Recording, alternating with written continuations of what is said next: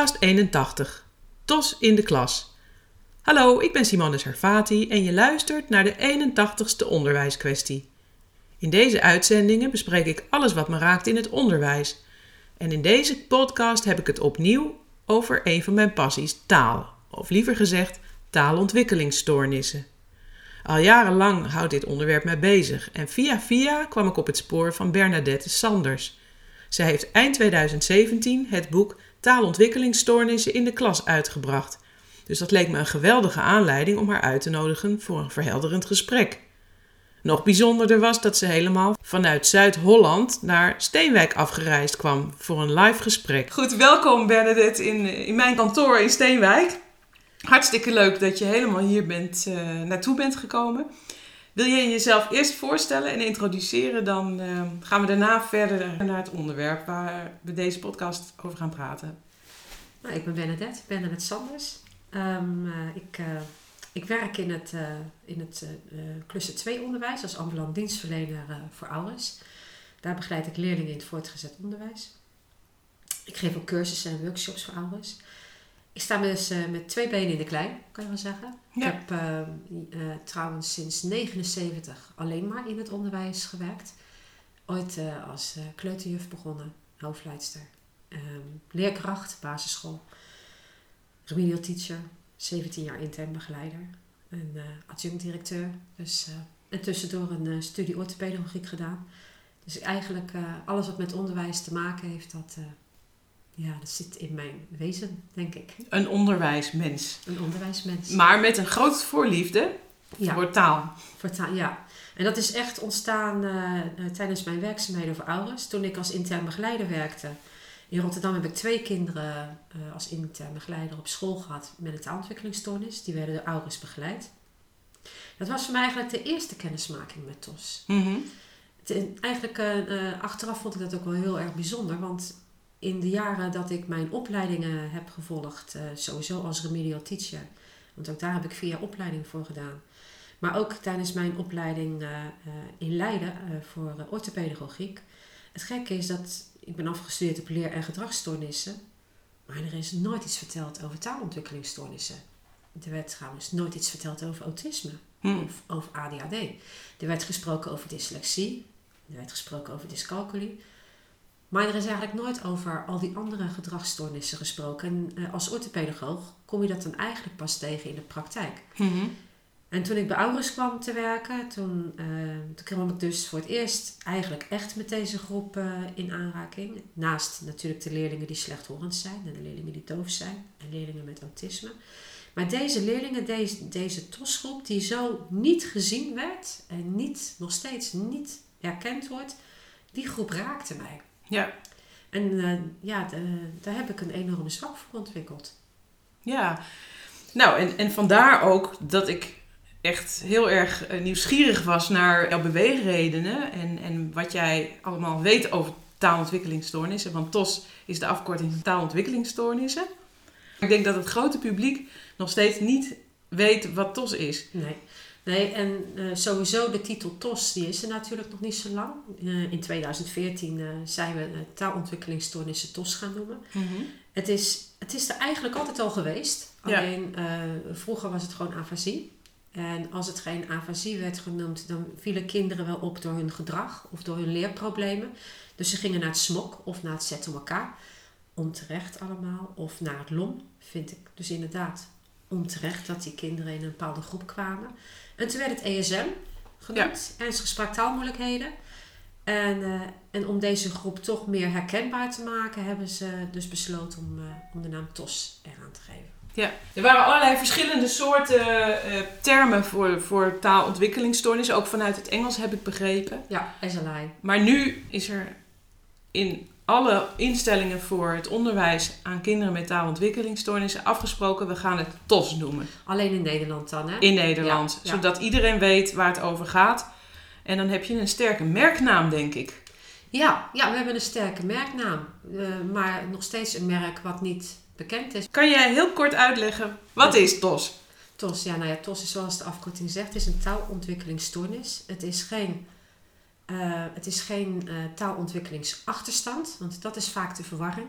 Hè? Dat, uh, dat mensen denken van eh, ja, maar het gaat toch over. Nee, als je een taalontwikkelingsstoornis hebt, zoals het woord al zegt, het is net als een dyslexie, een leesstoornis of net als autisme of ADHD. Een stoornis gaat niet over. En ehm, dat kunnen de kinderen zelf met een TOS heel goed zeggen van ik draag dit de rest van mijn leven mee. Dat klopt. Een taalontwikkelingsstoornis dat beïnvloedt eigenlijk je hele doen en laten, je handelen en je denken in je leven. Want vergis je niet, alles in je leven is taal. Mhm. Zelfs eh, je denken, je innerlijke taal, want ook dat is bij deze kinderen verstoord. En, en al je handelen en je denken wordt aangestuurd door een innerlijke taal. School, als jij, als, als jij een taalontwikkelingsstoornis hebt, dus als jij, en dan kan ik straks wel even opnoemen van wat signaleer je dan, wat zijn die taalontwikkelingsstoornissen. Mhm. Maar het beïnvloedt zodanig je hele leven dat het je beïnvloedt in je communicatie, in je participatie, in school en leren, in je sociaal-emotioneel welbevinden, in je gedrag. Dat is waar TOS je allemaal in beïnvloedt. Het beïnvloedt eigenlijk je hele leven. Mhm. Dat is hetzelfde als dat een dyslexie een kind in de rest van het leven beïnvloedt. En later als volwassene. En dat geldt ook voor een taalontwikkelingsstoornis. Nou, als je het hebt over een taalontwikkelingsstoornis, dan, dan, dan hebben we het over een, eh, een, een, aantal onderdelen.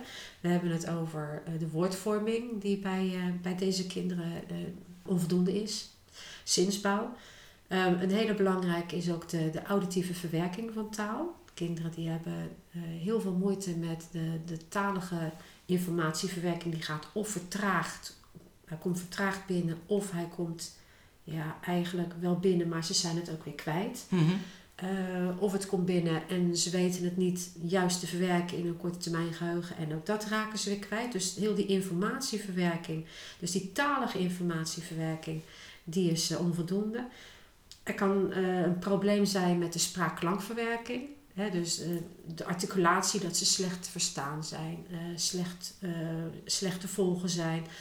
Eh, dat het, eh, het, het klanksysteem onvoldoende is bij deze kinderen. Denk bijvoorbeeld ook aan kinderen die met een open hemeltje eh, zijn geboren, die dus heel erg moeilijk vinden om klanken te verwoorden. Wil niet per se zeggen dat die dan een tos hebben. Nee, want dat is eigenlijk Dat is eerder weer een heel- heel ander. Dat spraakstoornis. is een spraak, maar dan spreken we ook over een stoornis. Ja. En deze kinderen vallen wel onder deze groep. Mhm. Dus dan hebben we het puur over die, die, die spraak-klanksysteem, wat dan uitvalt. Dus wat dat betreft is het eigenlijk een hele brede groep. Alleen deze kinderen kan je wel redelijk op weg helpen. Want als dan het taalbegrip wel voldoende is, Mhm.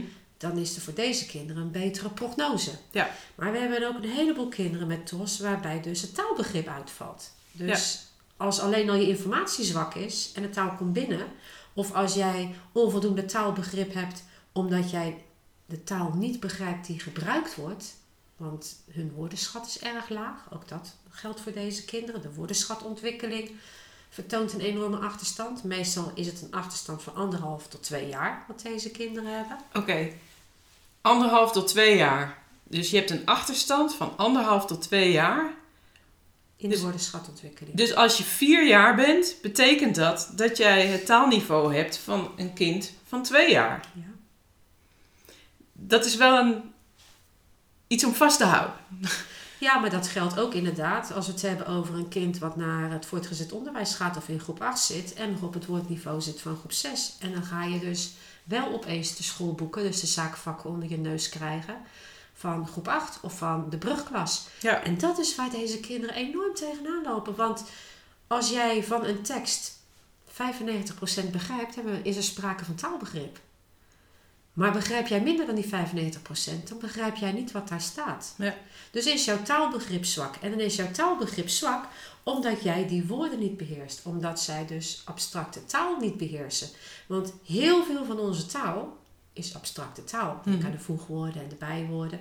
Het is allemaal abstracte taal. De complexiteit van de zinnen, waar vaak meer dan één betekenis in zit, of wat ze je duidelijk willen maken, of meer dan één vraag, omdat zinnen opgedeeld zijn. Dat is wat deze kinderen niet kunnen door alle abstracte voegwoorden die erin staan. Hm. Ehm, dus het taalgebruik ehm, wordt hierdoor ook beïnvloed. Want als jij onvoldoende de taal kan verwerken, als jij onvoldoende woordenschat tot je beschikking hebt, als jij eh, onvoldoende in staat bent om vervoegingen en verbuigingen toe te passen, wat ook aan de orde is, Hoe kan jij jezelf dan duidelijk maken? Dus deze kinderen lopen tegen heel veel grenzen op. En daarbij wil ik wel heel duidelijk zeggen dat TOS is niet voor ieder kind hetzelfde. Taalontwikkelingsstoornissen zijn net als ieder kind uniek. Taalontwikkelingsstoornissen gaan dus niet over, hoor ik je net zeggen. Want het is een stoornis, dus die hou je je hele leven. Ja. En dat is denk ik iets wat mensen zich, eh, als ze dan al begrijpen dat een kind een taalontwikkelingsstoornis heeft, vaak toch niet realiseren dat dat blijvend is. Nee, dat klopt. En uh, ouders realiseren zich dat vaak wel. En daarom vind ik ook dat je ouders altijd als een hele goede gesprekspartner moet nemen. Ouders zijn ook degene die zich heel terecht zorgen maken over de toekomst. Je merkt heel snel dat als kinderen dus, van, eh, dus op school zitten, en dat, daarmee zie ik zeker zie ik dit in het voortgezet onderwijs gebeuren, op het moment dat ze geen arrangement meer hebben, omdat de school geen hulpvraag meer heeft, want daar gaat het om. Het is natuurlijk geweldig als een kind met een taalontwikkelingsstoornis zich kan redden, dus aanhalingstekens, op school. Want het betekent dat het op die school de juiste hulp en aandacht krijgt. Dat zie je heel vaak op bijvoorbeeld op het reguliere basisonderwijs. Dat je daar een leerling met een taalontwikkelingsstoornis hebt. En die heeft een tijdje een arrangement gehad en is begeleid door een van de cluster 2 instanties. Mhm. Of Kentalis of Auris of Viertaal of over de brug. Als ze goed begeleid worden, dan, dan zie je dus dat de school op een gegeven moment uh, op weg wordt geholpen. En dat de leerkrachten weten hoe en wat te handelen. En dat het kind eigenlijk hartstikke goed vooruit gaat op school. Vooruit gaat in die zin, de achterstand blijft, eh, de belemmeringen zijn er nog steeds, maar het kind wordt geholpen. Mhm. En dan gaan ze dus naar het voortgezet onderwijs. Het arrangement is dan ergens in de basisschool gestopt en dan gaan ze naar het VO zonder arrangement. En dan kan je wel vertellen van, ja, maar deze leerling uh, heeft een arrangement TOS gehad en uh, er is sprake van een taalontwikkelingsstoornis. Dan wordt er toch altijd gedacht van, als het arrangement er niet meer is, is het ook wel over. Dat zie ik ook in het VO. Als kinderen dus een hele tijd, uh, ook, ook in het VO twee jaar een arrangement hebben gehad en de school heeft geen hulpvraag meer. Dus de school kan met de leerling verder ik vraag me ook wel eens af van, is het ook de leerling die geen hulpvraag meer heeft? Maar goed, dat laat ik even in het midden. Mhm. Maar de school heeft geen hulpvraag meer. En dan gaat het kind naar de examenklasse. En in feite heeft dat kind dan recht op dezelfde dispensaties en compensaties ook als een kind met dyslexie. Maar een kind met dyslexie heeft die dyslexieverklaring die de rest van zijn leven meegaat. Mhm. En een kind met, uh, met een taalontwikkelingsstoornis die heeft dat niet. Nee, want dat Maar- bestaat niet. Hij gaat niet over. Ik bedoel, het is, dus ze blijven ook gewoon deze rechten behouden. Want we hebben het nog steeds over een, hoe naar het ook klinkt, over een, een, een handicap die onzichtbaar is. Ja. En dat geldt ook voor leerlingen met autisme. En dat geldt ook voor leerlingen met ADHD. Die krijgen ook of extra tijd of andere dispensaties en compensaties. Maar die leerling met TOS is gewoon nog onvoldoende in beeld. Ik bedoel, ik schrik nog steeds als ik zorgcoördinatoren hoor die zeggen van... "Oh Ja, maar wij hebben helemaal geen kinderen met TOS op school. Ja, dat is schrikwekkend, want het komt heel veel voor, hè? 1 op de 20. Ja. Dus als jij zorgcoördinator bent van een school met pakweg een paar honderd leerlingen... dan zit er daar toch heus wel één. Ja. Of meer. Ja. Veel meer. En, en dat vind ik eigenlijk zorgelijk. En de verwarring is eigenlijk te groot... die nog steeds gemaakt wordt met dyslexie of met ADHD of met autisme. Er is sprake van comorbiditeiten, dus dat het tegelijkertijd voorkomt. En dat je dan moet afvragen van wat is de primaire stoornis? Dus waar heeft het kind het meest last van? Wat Mhm. beïnvloedt wat? Maar laten we niet vergeten dat een TOS heel goed in staat is om gedragsproblemen te veroorzaken. Gedragsproblemen die vaak vertaald worden naar ADHD of naar autisme kenmerken. Hoe kan het dat TOS leidt tot gedragsproblemen? Hoe kijk jij daarnaar? Ja, nou, TOS leidt tot gedragsproblemen. Ehm, ik zal even een voorbeeld geven. Eh, stel je voor dat jij een taalontwikkelingsstoornis hebt en eh, je zit in groep 7. Je hebt heel veel moeite met het volgen van de instructie al jaren. Je moet enorm je best doen om erbij te blijven. En eh, elke keer weer opnieuw wordt die instructie gegeven en weet jij niet wat je moet doen. Iedere keer weer opnieuw word jij niet begrepen als je iets wil uitleggen, want je kan niet tot de kern van je verhaal komen. Of mensen begrijpen je niet. Jij neemt taal letterlijk. Eh, jij vindt het heel erg lastig om wat een ander jou vertelt, om dat ook direct tot uitvoering te brengen, om dat tot handelen te brengen. Deze kinderen, eh, als die dus die problemen hebben met die, zoals wij dat noemen, communicatieve redzaamheid, eh, die slaan of dicht, of je hebt dus inderdaad de internaliserende problemen. Dat, dat zijn die stille kinderen in de klas, waarvan je vaak ook hoort zeggen, zo wil ik er wel tien in de klas. Mhm. En dan, dan voel ik al direct allerlei alarmbellen in mijn hoofd van hoezo? En dan wil ik eigenlijk meer weten over dat kind. Maar het kunnen ook externaliserende problemen zijn. Want als jij een taalontwikkelingsstoornis hebt, dan word je dus enorm overvraagd. En, eh, en wanneer je overvraagd wordt of ook een heel vol hoofd hebt, want dat hebben deze kinderen ook. Hè. Je moet je dus voorstellen dat deze kinderen dus de hele dag hun best moeten doen om de instructie en de les te volgen. Daarnaast, wat we nog niet genoemd hebben, is dat er heel veel sprake is van woordvindingsproblemen. En eh, de moeite met het formuleren van de zin, met de juiste zinsbouw. Dus alsmaar aan het zoeken zijn in hun hoofd naar bepaalde woorden. Ik vind het al frustrerend als ik niet op een woord kan komen. Ja, ja. En deze kinderen exploderen dan letterlijk. Op een gegeven ogenblik is dat potje vol, Mhm. is zo'n hoofd vol. Ik bedoel, wij hebben in ons hoofd van A naar B wegen. Ja, ja. het, het komt ons gehoor in en het weet, eh, de informatie die binnenkomt weet letterlijk zijn weg te vinden in het hoofd. Maar bij deze kinderen, ik eh, zeg altijd eh, S en N wegen, dat weet je als je in dorpen woont, dan heb je van die rotondes en iedere rotonde loopt vast of je moet weer voorrang verlenen aan andere auto's. Nou, zij doen dat in hun hoofd. Ze weten niet aan welke informatie ze voorrang moeten verlenen. ja. Het zijn allemaal rotondes in hun hoofd en ze lopen echt letterlijk vast. Dus dan knal je er wel eens uit. Als je de... Of je blijft maar rondjes rijden. Ja, ja. Ik bedoel, je weet toch niet waar je eraf moet. Dus deze kinderen knallen er inderdaad letterlijk Ja. uit en die lopen vast. En dat zijn de kinderen die dus ook wel eens tegen mij zeggen: Juf, dan heb ik error in mijn hoofd. Ja. En het loopt echt vast. Ja, ja het is triest. En, en, maar het is ook triest dat er nog zo weinig bekend is eh, over dit Ja. beeld. Hoe, heb je een idee hoe dat komt? Want het komt dus heel veel voor, maar er is nog heel weinig over bekend. Ja, nou, dat heb ik me ook wel eens afgevraagd. Eh, als ik eh, denk aan de periode dat ik intern begeleider was, in een van de eerste jaren. Ik ben 17 jaar intern begeleider geweest. En toen, net in het begin, kwam dus ook voor het eerst dyslexie. Mhm. Dat kwam heel erg eh, in beeld. En ik weet nog dat ik toen de tijd ook eh, leerkrachten voor de klas had. Dat collega's van mij dus ook zeiden van, oh ja, dyslexie. Nou, dat is weer een nieuwe term. En ik denk dat er heel erg over TOS op dezelfde manier wordt gedacht. Van, oh, we hebben er weer een nieuwe term bij. En dat is dus niet waar, want het is er al zo lang. Alleen, wat ik net ook aangaf, we zijn geneigd om door de kenmerken die kinderen met TOS hebben, om die te koppelen aan eh, eh, ja, stoornissen. Ik heb zo'n hekel aan het woord stoornis, maar aan gedragsproblemen Mhm. die al bekend zijn.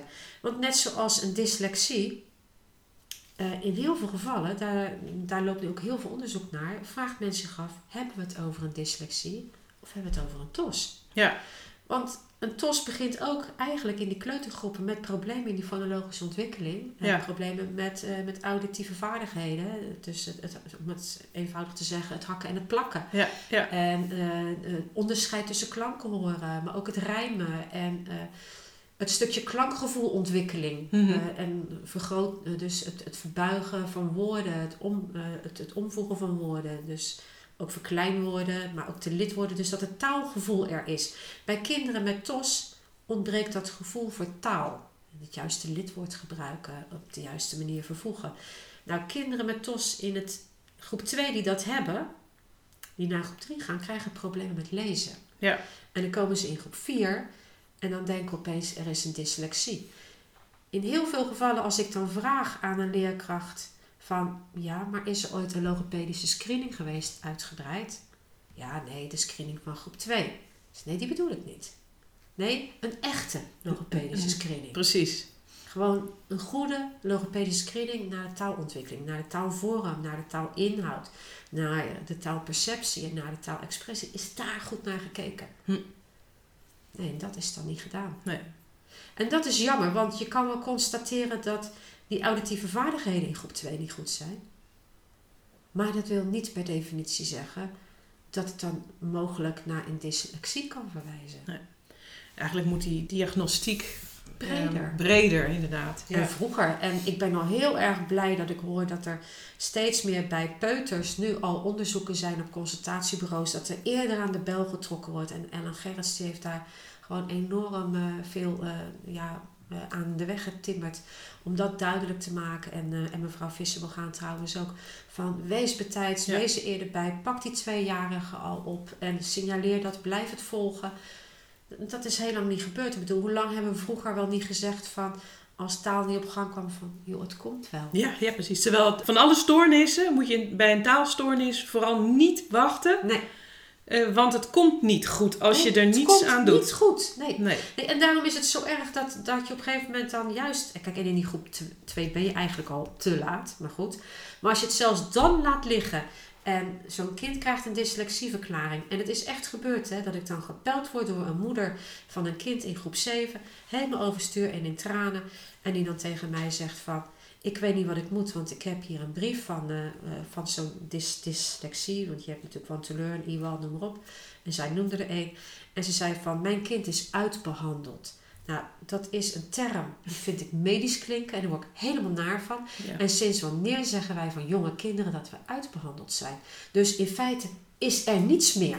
Nee. Het is klaar, uit, over. En ik begrijp wel waar dit vandaan komt. En ik begrijp ook wel de financiële kwestie qua begeleiding die erachter hangt. Maar tegelijkertijd denk ik bij mezelf van... Als, dit, als we hiervan aangeven het kind is uitbehandeld... in hoeverre is er bij dit kind in het traject ervoor... ooit een goede logopedische screening geweest? Wat had die logopedist in groep 2 kunnen betekenen voor dit kind... Ja. om te zorgen dat dat stukje taalontwikkeling en het aanvankelijk lezen... wat had het daar voor verbetering kunnen zorgen voor dat kind? En dat is eigenlijk blijven liggen. ja, dat pleit dus voor een degelijke preventieve aanpak. Ja. En hoe vroegtijdiger, hoe beter. Want je voorkomt ellende verderop in de loopbaan. Ja. En Ja, faalervaringen. Ja, en gelukkig zijn er op dit moment wel, en dat eh, vind ik wel heel fijn om te horen. eh, er zijn heel veel successen met het eh, programma Bouw, heb ik begrepen. Dat, eh, dat begint in groep 2, dat gaat tot groep 4. Dat is het, eh, dan wordt het leesonderwijs. Dus bij kinderen die problemen met fonologisch bewustzijn, Ja. daar schijnt dat mee gesteund te worden. Er zijn goede ervaringen mee. Dus ook kinderen met een taalontwikkelingsstoornis, omdat het allemaal heel erg visueel is, worden daarmee ook gesteund. Dus dat is wel Ja. een hele mooie. Waar moeten we nog meer alert op zijn bij TOS in de klas? Ja, als TOS eh, nog niet ontdekt is. Hè, en, eh, en, en, en, en dat is eigenlijk eh, het belangrijkste, want we horen nog te weinig dat er TOS op school is. Mhm. Dat, dat, dat, dat is mijn grote zorg. Ik bedoel, het begint nu gelukkig te komen dat hele jonge kinderen, en, en dat is dankzij de, de grondleggers die we nu zien, zoals Ellen Gerrits en mevrouw Bogaan Visser. Dat, daarvan zie je gewoon, die trekken het nu naar de voorgrond.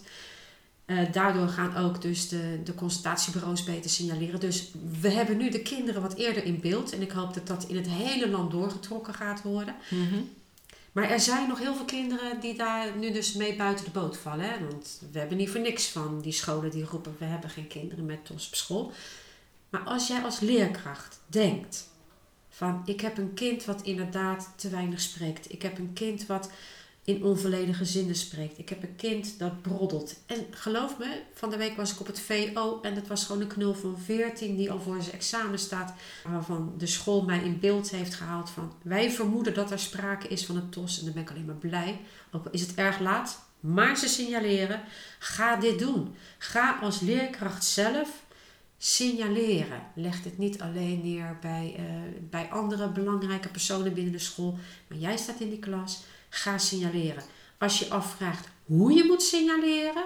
Er zijn dus observatielijsten. Bij mijn boek heb ik sowieso de observatielijsten van Aures, eh, die ontwikkeld zijn eh, door, eh door Aures-medewerkers. Mag ik die observatielijsten gebruiken? Mhm. Ik heb daar de observatielijsten van de groepen 1 tot en met 4. Die kunnen ze er gratis bij downloaden. Observatielijsten van oudere leerlingen zijn als gratis downloads op mijn website te vinden van Smart Onderwijs. Onder het kopje downloads kunnen ze daar dus die observatielijsten weghalen. Neem gewoon eens zo'n lijst voor je. En, ga gewoon eens in gedachten kinderen waar jij je zorgen maakt over in de klas. Dus dat kind wat heel snel explodeert. Dat kind met het volle hoofd. Dat kind wat snel huilt. Dat kind dat altijd buikpijn heeft en hoofdpijn. Dat kind wat, eh, wat eigenlijk niet goed uit zijn woorden kan komen. Dat kind dat na de instructie waarvan jij denkt van die gaat iedere keer door de klas lopen. Uh, die, die, die, die, loopt zijn punten maar te slijpen. De, die gaat iedere keer naar de wc na de instructie. Misschien is dat wel een signaal. Ja. Neem, neem al die signalen serieus. En ik wil niet zeggen, we hebben dan gelijk een tosser in zijn nek. Nee, maar neem het serieus. Pak die kinderen voor jezelf waarvan je denkt van, ik kan er geen vinger op leggen. Ja. Neem gewoon even een keer zo'n observatielijst voor je neus en vraag jezelf even af van, herken ik dit kind? Want dit zijn wel de signalen. Mhm. Het kind wat gewoon niet weet hoe hij moet plannen en organiseren. Altijd van alles kwijt is. Nooit weet uh, bij welke bladzijde die uh, moet zijn. Uh, het kind wat altijd bij de ander afkijkt. Trouwens, een goede tip. Leer ze afkijken. ja. Leer ze alsjeblieft afkijken. Leer een kind met TOS afkijken. En daarmee bedoel ik niet met repetities, maar wel met wat hij moet doen. Als voorbeeldfunctie. Juist. Want dat kind naast hem weet misschien wel wat hij moet doen. Dus laat helpen. En, en, en, geef kinderen ook aan dat ze elkaar daarin kunnen helpen. Dat dat afkijken mag. Dus dat meisje wat roept, hij zit weer af te kijken. Ja, dat mag. Laat gewoon kijken. Ja. ze denken wel eens in het VO als ik dus aangeef van... Jongens, weet je wat leuk zou zijn? Laat ze drie keer per jaar met een repetitie een spiekbriefje maken. De hele klas. Het helpt. Het helpt, want geloof me, ze leren het.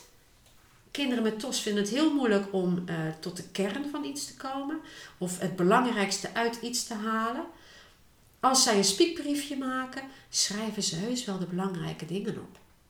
En laten ze gewoon drie keer per jaar een repetitie maken met een spiekbriefje. Want wat is jouw doel? Dat ze het leren, dat hebben ze dan gedaan. Ja. Nou, ik heb nu al duizend tips, maar die staan in het boek. Ja, precies. zeg, nou heb jij net een, ehm, een boek geschreven. Taalontwikkelingsstoornis in de klas heet het. Mhm. Kan je heel kort aangeven waarom je het hebt geschreven?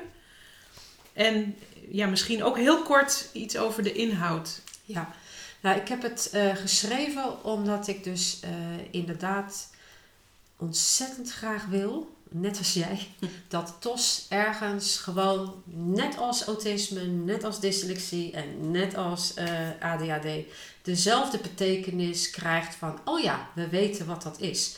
Als je ADHD googelt onder boeken en uh, dyslexie en autisme, dan krijg je boekenreeksen tot en met.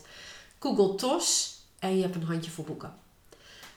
En toen ik dat zag, dacht ik bij mezelf, ja, maar dat kan niet.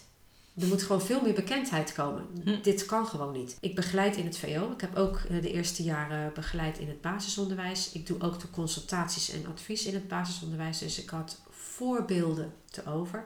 Ik heb heel veel van mijn praktijkervaringen met deze kinderen altijd opgeschreven. Er zijn uh, twee kinderen die het goed vonden dat ik de gesprekken ook opnam. En die heb ik helemaal uitgewerkt. En daarvan staan ook stukjes in het boek.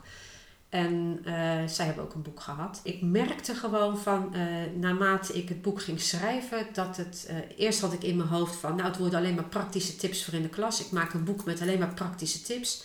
En toen was ik begonnen en ik denk, nee, nee. Er moet ook uitleg komen van wat is TOS. Dus, maar dan wel in een taal die voor iedereen te begrijpen is. Dus, ja, precies. Geen wetenschappelijke verhandeling, nee, nee. maar die theorie naar de praktijk toe. Dus of nou een leerkracht het leest of een moeder of uh, een, een klasassistent uh, of een orthopedagoog of een logopedist, kan me niet schelen, maar dat iedereen het begrijpt. Want ik kan me voorstellen dat, ook ouders willen weten van wat is een taalontwikkelingsstoornis. Of een klasassistent. Ja. Dat je niet per se HBO geschoold moet zijn of VWO geschoold om het te begrijpen. Nee, dit moet gewoon door iedereen begrepen worden.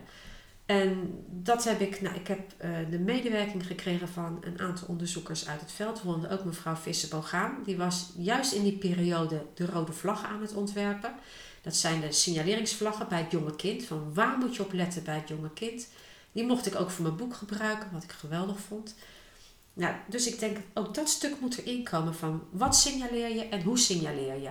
Wat is TOS en hoe signaleren we TOS? Ja. Maar ook wat is TOS en gedrag? Mhm. En wat is TOS met het gedrag in de klas? En dan daarna komen de tips.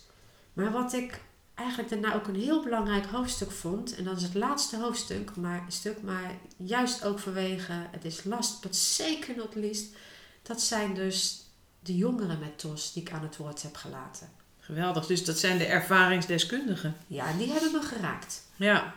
Ik heb uh, van hun, ik heb aan hun in de eerste instantie, ik had ze gemaild en gevraagd van, zouden jullie je verhaal voor mij op papier willen zetten en mag ik dat in het boek plaatsen? Daar hebben ze meteen op gereageerd. En uh, een van de jongeren, uh, Marielle Vermeulen, die had aan mij gevraagd van, kunnen we het ook via de telefoon doen? Dus ik heb met haar een hele tijd aan de telefoon gezeten. Zij heeft TOS en dyslexie. En zij heeft heel haar verhaal gedaan. zij heeft trouwens ook haar eigen YouTube-vlogs. Geweldig, waarin ze vertelt over TOS. En zij vertelde me haar verhaal. En op een gegeven ogenblik vroeg ik ook aan haar van... Joh Marielle, wat wil je? Ik, ik ga nu voorlezen wat je mij verteld hebt. Ga ik dat zo in het boek zetten? Of wil je dat ik het daarna nog in goed Nederlands neerzet? Want het is een jongere met TOS. Dus je krijgt de zinnen uh, die niet goed lopen. Mm -hmm. Je krijgt uh, onjuiste vervoegingen. Je hoort de TOS er echt letterlijk doorheen sijpelen.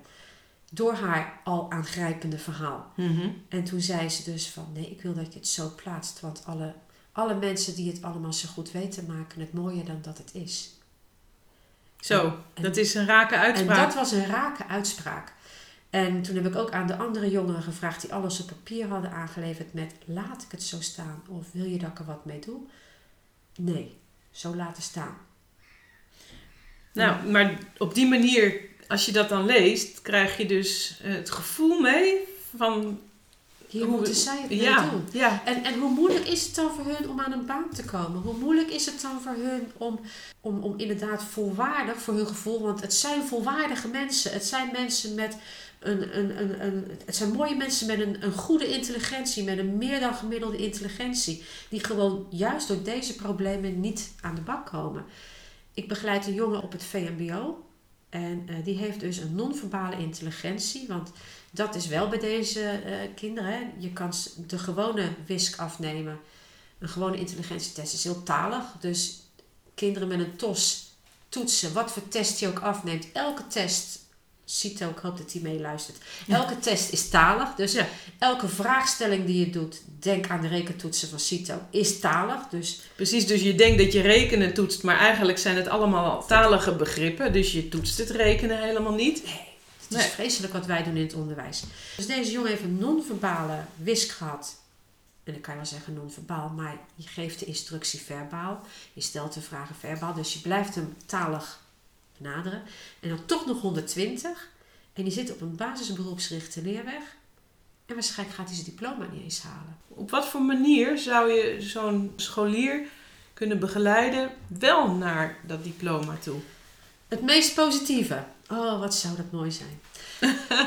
uh, mijn, mijn grote boodschap, en dat zeg ik ook tijdens de workshops en de cursussen, want dan noem ik het geloof ik honderd keer. En dan zeg ik zelfs, als ik jullie s'nachts wakker schud, dan moeten jullie het nog zeggen. Visualiseren met een hoofdletter. Ja. Echt visualiseren. Ik bedoel, al geef je een les over de bloedsomloop, leuk die plaatjes in het boek, leuk die plaatjes op je bord, maar pak er een YouTube filmpje bij. Leer de kinderen om ze dat ook vooral zelf te doen. Visualiseren. Visualiseren geldt ook voor als jij een toets geeft en het kind heeft de bloedsomloop geleerd in het boek in kleur. Geef hem niet in de toets in zwart-wit. Want een kind met TOS is het kwijt. Ja. Hou het in kleur. Dat hebben ze geleerd. Dus visualiseren. Geef ze extra tijd. Wij zijn gewend in het onderwijs ad hoc. Ik stel jou een vraag, hè, zoals je het ook bij mij doet, en je verwacht antwoord. Ja. Als ik vijf seconden zou nadenken, dan wordt het al een beetje, ach, er valt een stilte. Mm -hmm. In het onderwijs hebben we daar heel veel moeite mee. En als een kind met TOS dus 20 seconden nodig heeft om na te denken, zeggen wij na vijf seconden al van, weet je wat, ik vraag of Peter je even helpt. En wat denkt dat kind? Ja, maar ik wist het wel. Ja. Maar hij is in zijn hoofd aan het zoeken naar woorden en naar taal. En dat kan hij niet vinden. Daar heeft hij tijd voor nodig. Mm -hmm. Dus wij wij veroorzaken haast spreekangst.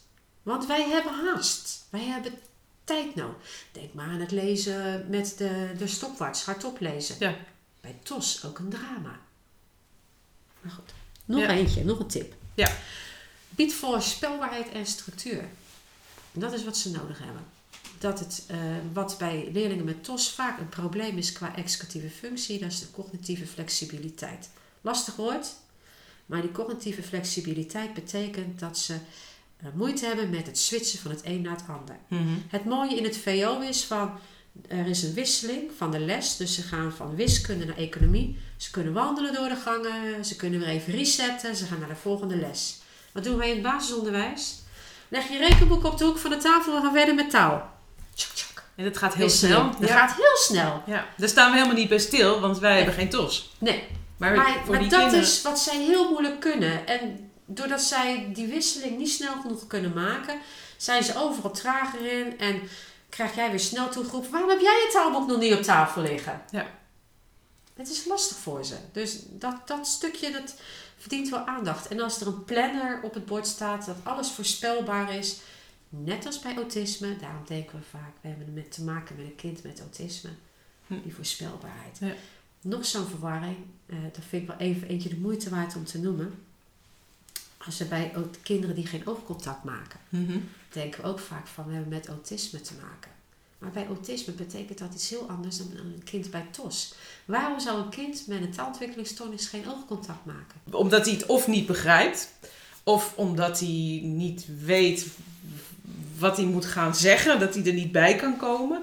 Kan een oorzaak zijn. En dan kan hij gaan wegkijken. ik hè? verwacht communicatie van jou. Ja, precies. En als dat is jou moeilijk. aankijk. En dat Ja. willen ze niet. Dus Ja. op het moment dat daar jij klas dus iets van een kind verwacht, dan gaat hij wegkijken. Als je iets moeilijks vindt, dan ga je ook wegkijken. Ja. Maar tegelijkertijd ook kan het ook zo zijn dat kinderen met TOS geen oogcontact maken. Want als ze dus naar beneden kijken of naar boven kijken, kunnen zij zoeken naar touw. Ja. Ik heb een leerling dat als ik een vraag stel, die dus letterlijk zo gaat zitten met zijn hand voor zijn ogen, zijn ogen dichtdrukt. En eigenlijk gewoon in stukjes herhaalt wat ik hem vraag. Ja. Gewoon zachtjes voor zich. Dus ook dat is, heb daar, Dus dat heeft een functie. En dat is ja, eh, niet de functie die bij een, een kind met autisme die je niet aankijkt. Nee, want een kind met autisme kijk je niet aan vanwege de prikkelverwerking. Ja. Die, die moet iets met de emoties op je gezicht. Die kan, die kan dat niet verwerken. En Hm. Een kind met TOS heeft een hele andere insteek, een andere invalshoek.